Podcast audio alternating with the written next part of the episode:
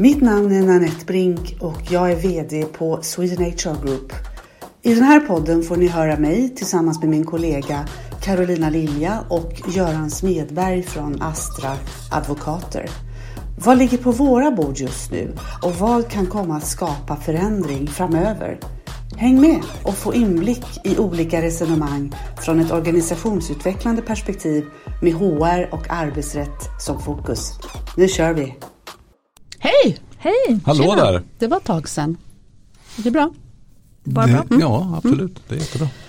Ehm, kan vi inte prata om den eh, så kallade reformerade arbetsrätten som är på, på ingång eller i dagligt tal den nya LASen. Jo, Är inte Mm. det spännande? jo superspännande. Eller hur? Om, Ja, om vi har ju bara- väntat länge på Messias. Nu kommer han. Nu kommer den, nu kommer den. Ehm, bara backa bandet så mm, var ju tanken från början ehm, i, januariavtalet så har ju då Socialdemokraterna, Centerpartiet, Liberalerna och Miljöpartiet kommer överens om att eh, arbetsrätten ska moderniseras och anpassas efter dagens arbetsmarknad. Samtidigt då som man ska ha en grundläggande balans mellan arbetsmarknadens parter. Eh, Det låter ju jättetjusigt och otroligt utmanande. Om jag har förstått det hela rätt så ligger det här ute på remiss hos lagrådet just nu och eh, det ska tydligen träda kraft den 30 juni men jag har inte fattat det ska tillämpas först i oktober. Göran, varför då? Jo, nej, men det det är som så. Det träder i kraft den 30 juni och sen har man då bestämt då enligt den här lagrådsremissen att eh, man ska börja tillämpa de nya reglerna från den 1 oktober. Och jag kan väl bara fundera på vad anledningen är till det och det är väl för att man, det är väl politik med i bilden där. Man har Mm. lovat att det ska vara klart till halvårsskiftet. Kommer det vara klart då? Eller vad? Mm, Ja, det kommer säkert vara. Mm. Det tror jag. Mm. Det är det är mycket som man har liksom eh, lagt in i det här, alltså politiskt. Mm. Så att, eh, så du menar att man har olika datum för att man har lovat ett datum politiskt och ett annat i verkligheten som är mer görligt? ja, det blir ju så. Det blir så. Det, ja, det är lite lustigt. Det är lite lustigt. Ja, det är lite men lustigt. det, är, det är mycket som är lustigt i Mm. den här, eller Mm. lustfyllt kanske. Vad vet jag? jag Ja, det återstår att se. återstår att se. Kan vi inte eh, ta oss igenom några av de här delarna i, i det här förslaget och, och liksom eh, se vad det faktiskt skulle kunna innebära om det nu, vilket alla tror, går igenom. Det kommer väl bli en del små justeringar såklart. Då. Men om vi börjar kring den här delen som heter uppsägning från arbetsgivarens sida. Så eh, det stora här, eller det stora, att, är att man vill ändra ord här. Man ska, det ska inte längre heta att det ska grunda sig på sakliga grunder utan det ska vara sakliga skäl. Eh, vad, vad, vad ska det här ordbytet signalera? Eller finns det något annat bakom här Göran? Nej, det är egentligen bara stavningen tror jag. Faktiskt. Nej, nej men allvarligt, det, det är, här har man ju då sagt så här att det ska bli lättare för både arbetsgivaren och arbetstagaren att veta när man har kommit upp i kvaliteten, ja, sakliga skäl då nu då. Så det ska vara mera förutsägbart. Men, Att komma, men blir det mer förutsägbart för att man kallar det för skäl istället för grund? Nej, det handlar väl kanske inte så mycket om stavningen där egentligen. Utan det, tanken är att man ska eh, man ska se mer till, eh, om vi pratar om, om eh, personliga skäl då.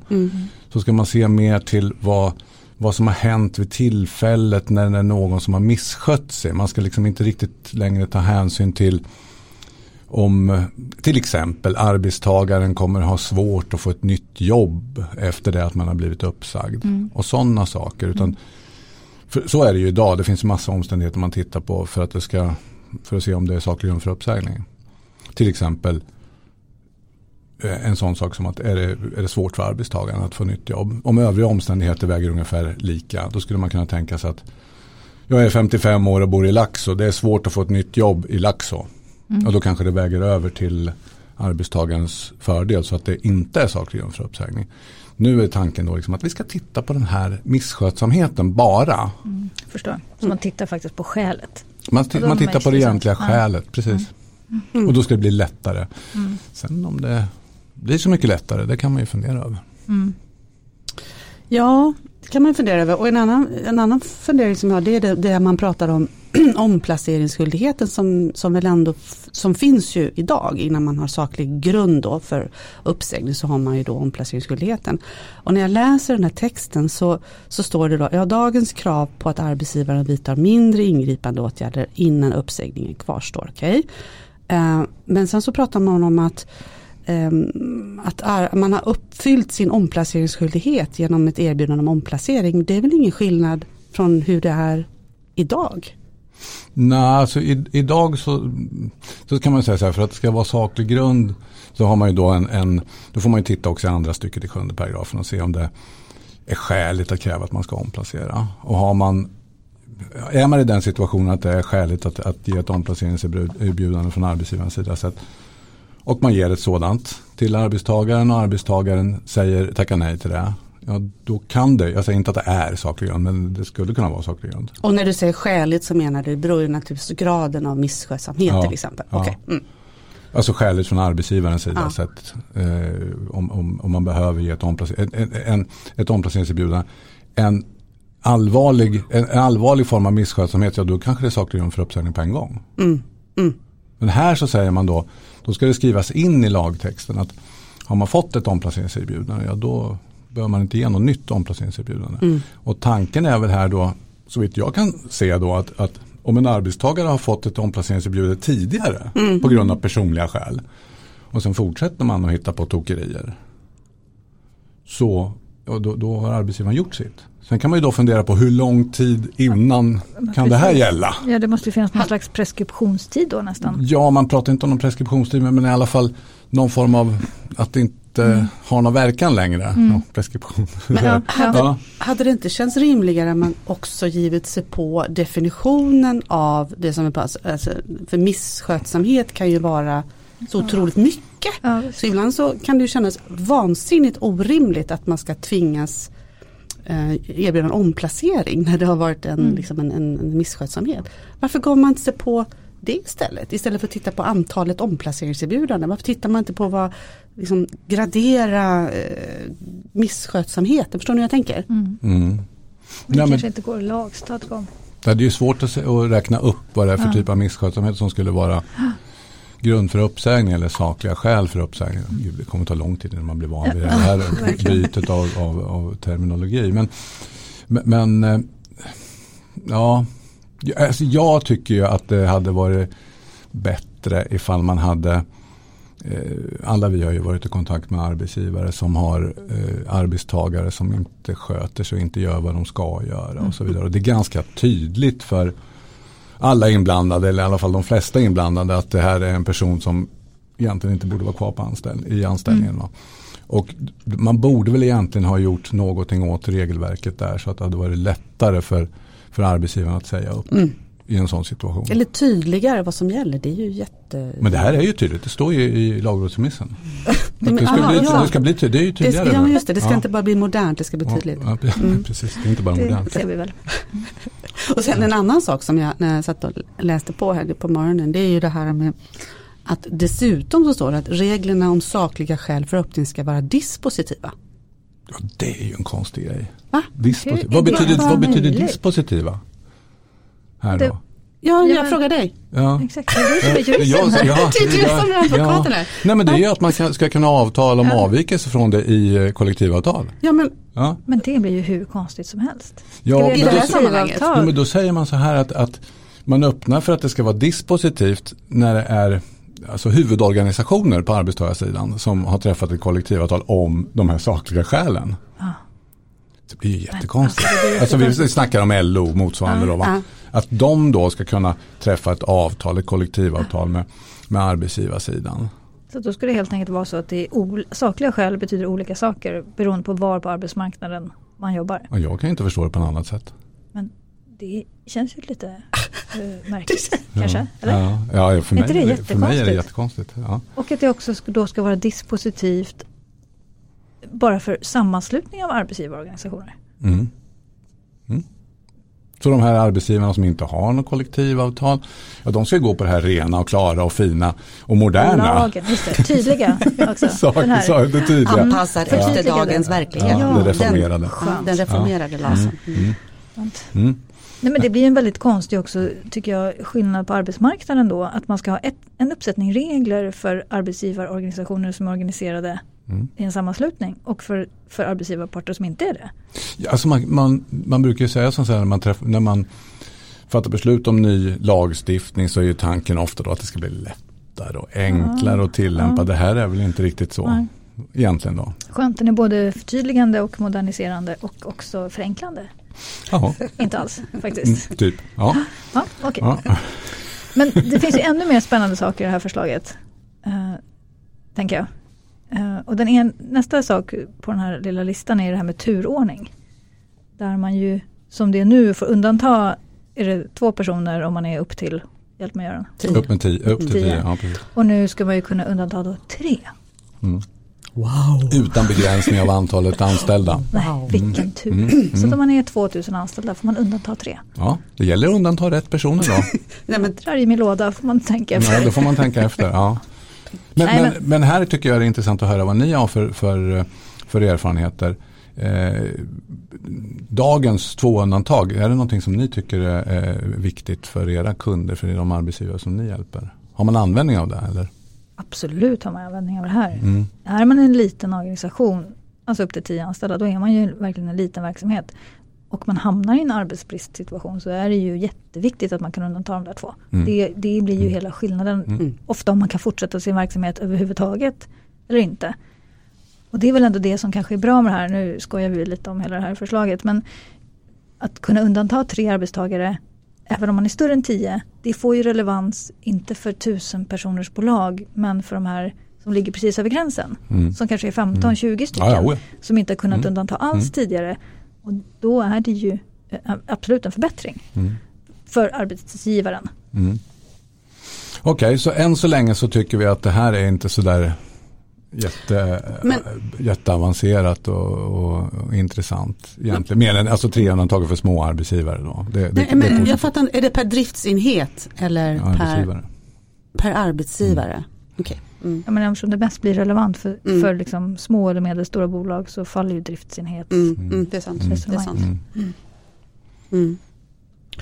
Ja, nej men det, Ja, nej, men så, så det en var så, wow-faktor på ja, den precis. tycker jag. Ja, hur? ja, det är mycket wow-faktorer. Mm. Ja. För Vad har vi mera då? nej, men sen handlar det ju också om det här med tvister om ogiltighetsförklaringen. den är däremot intressant. Ja. Den, den tycker jag är, är lite, lite mer spännande och ha, kommer ha betydelse. Mm. Och det är just det här med att, att om en arbetstagare ogiltigförklarar en uppsägning på grund av personliga skäl. Så är det idag så ska man ju gå kvar, som huvudregel ska man gå kvar i anställning så Mm. länge tvisten pågår. Mm. Och det är ju en hävstång för arbetstagaren Mm. och jättejobbigt för arbetsgivaren naturligtvis.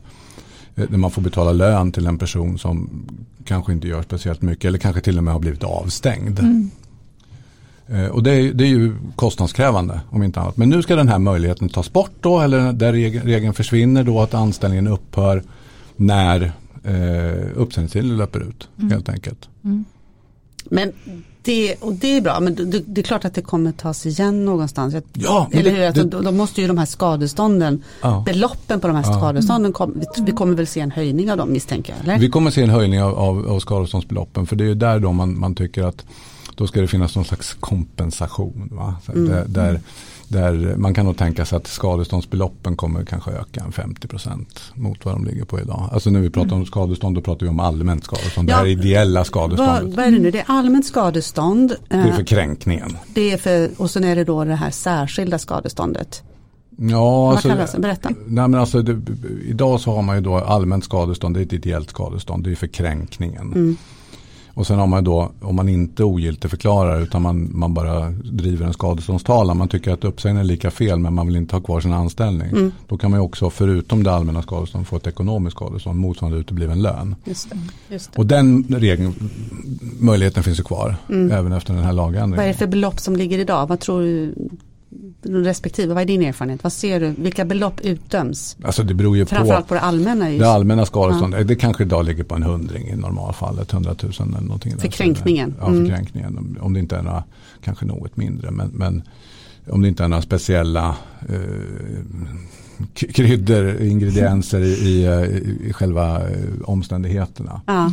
Sen kan, ju det här, sen kan det ju vara på det sättet att arbetstagaren är medvållande och då, därigenom kan, kan skadeståndsnivån sjunka. Det kan ju till och med falla bort också. Även om man har gjort en felaktig uppsägning. Mm.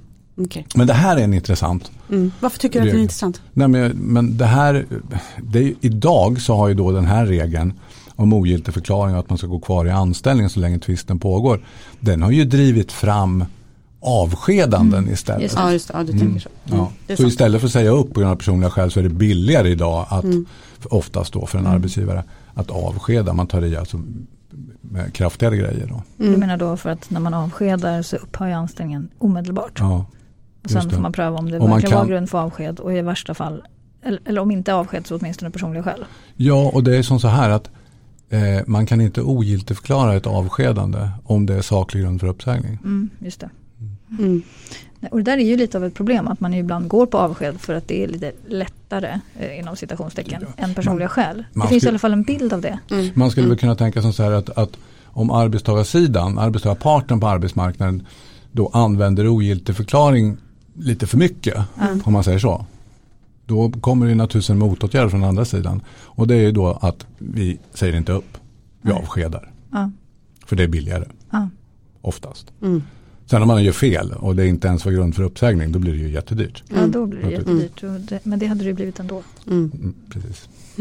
Men vad heter det, jag läste också någonstans, det var lite så här, eh, på tema otydligt, det stod någonting att om, en, om, en domst, om man hamnar här nu, om en domstol ogiltigt förklarar uppsägningen så ska lön utgå för den, då istället då, för som tidigare, utgå för den tid som tvisten har pågått. Mm. Vem avgör hur länge tvisten har pågått? Ja, det är ju fram till dess att domen meddelas. Så länge Mm. pågår tvisten. Det Så var det kan ju, den kan ju Mm. pågå länge. Mm, Börja, börja i tingsrätten så håller på drygt ett år och sen överklagar Så- de. Så, så kan man hamna i arbetsdomstolen. Så det kan bli same same but different. Eh, ja, men du behöver inte betala ut ersättning under tiden som tvisten pågår. Mm. Du får betala ut det där senare. Mm. Så Mm.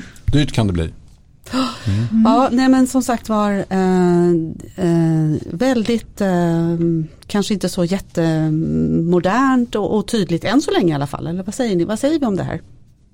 Ja, Jag är lite besviken. Jag, Ja. tycker, jag tycker att det hade varit bättre ifall man hade gett sig på en, en, eh, en större förändring av, av saklig grund. Mm. Eller kalla det för sakliga skäl. Mm. Eh, men det, det har fått en annan betydelse. Det hade väl, där ser jag ett större behov än att ge en möjlighet till att undanta tre arbetstagare vid arbetsbrist. Mm. Mm.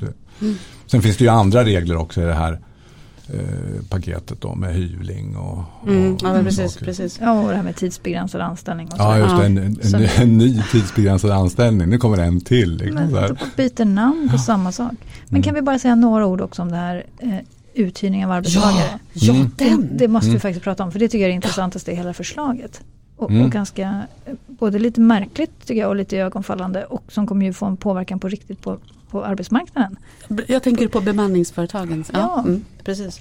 För det som står i förslaget är att om anställda hos ett bemanningsföretag som har varit hos kund i minst 24 månader ska erbjudas tillsvidareanställning hos kunden.